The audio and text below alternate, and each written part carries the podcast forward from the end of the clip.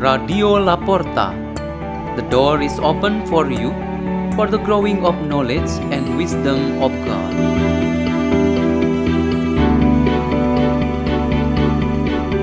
delivered by Ryan Koordi of St. John Vianney Church in Irvine, California, the United States.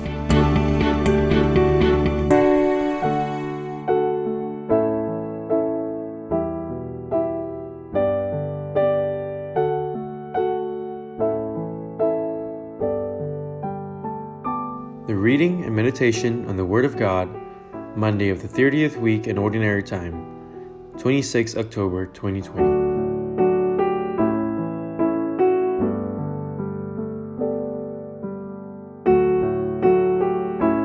The reading is taken from the letter of St. Paul to the Ephesians, chapter 4, verse 32 to chapter 5, verse 8. Brothers and sisters, be kind to one another, compassionate, forgiving one another as God has forgiven you in Christ. Be imitators of God, as beloved children, and live in love, as Christ loved us and handed himself over us as a sacrificial offering to God for a fragrant aroma. Immorality or any impurity or greed must not even be mentioned among you, as is fitting among holy ones. No obscenity or silly or suggestive talk which is out of place, but instead giving thanks. Be sure of this that no immoral or impure or greedy person that is an idolater has any inheritance in the kingdom of Christ and of God. Let no one deceive you with empty arguments, for because of these things, the wrath of God is coming upon the disobedient. So do not be associated with them, for you were once darkness, but now you are light in the Lord. Live as children of light. The word of the Lord.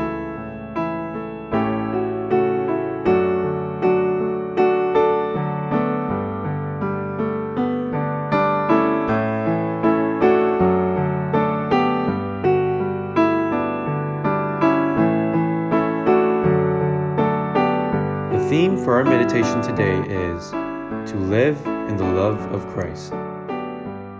How wonderful and happy it is for those who live in the love of Christ. Those who have a good relationship with God truly feel the meaning and importance of God's love.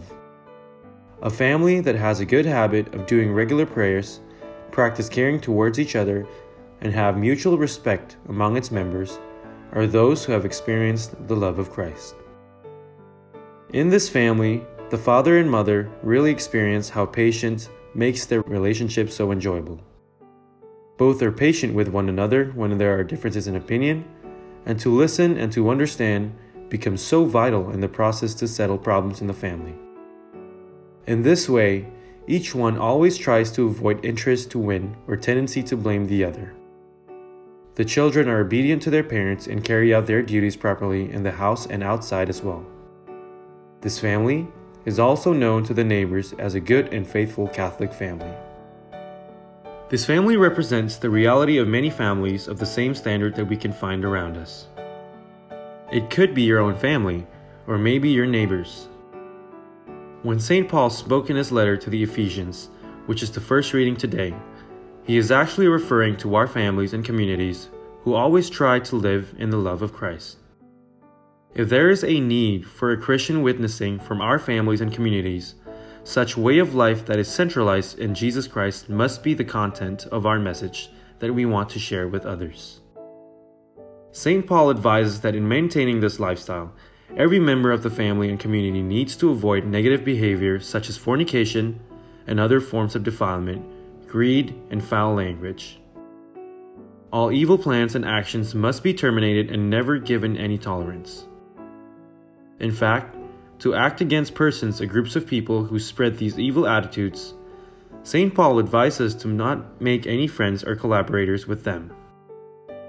In the name of charity and hope for salvation, it is necessary that we pray for their repentance. We have to avoid building a partnership or any kind of fellowship with them because it will bring us futility.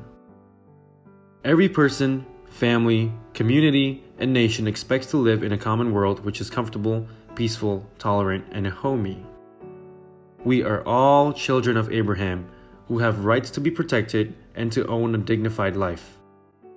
The sick, isolated, and marginalized are the priority in the mission of Jesus Christ, so that they may experience joy and have a life in abundance of grace, which is to live in the love of Christ.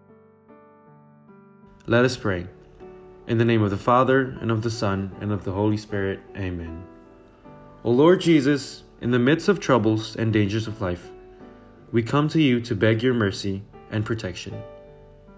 Hail Mary, full of grace, the Lord be with you. Blessed art thou amongst women, and blessed is the fruit of thy womb, Jesus. Holy Mary, Mother of God, pray for us sinners, now and at the hour of our death. Amen. In the name of the Father, and of the Son, and of the Holy Spirit. Amen. Radio La Porta. The door is open for you.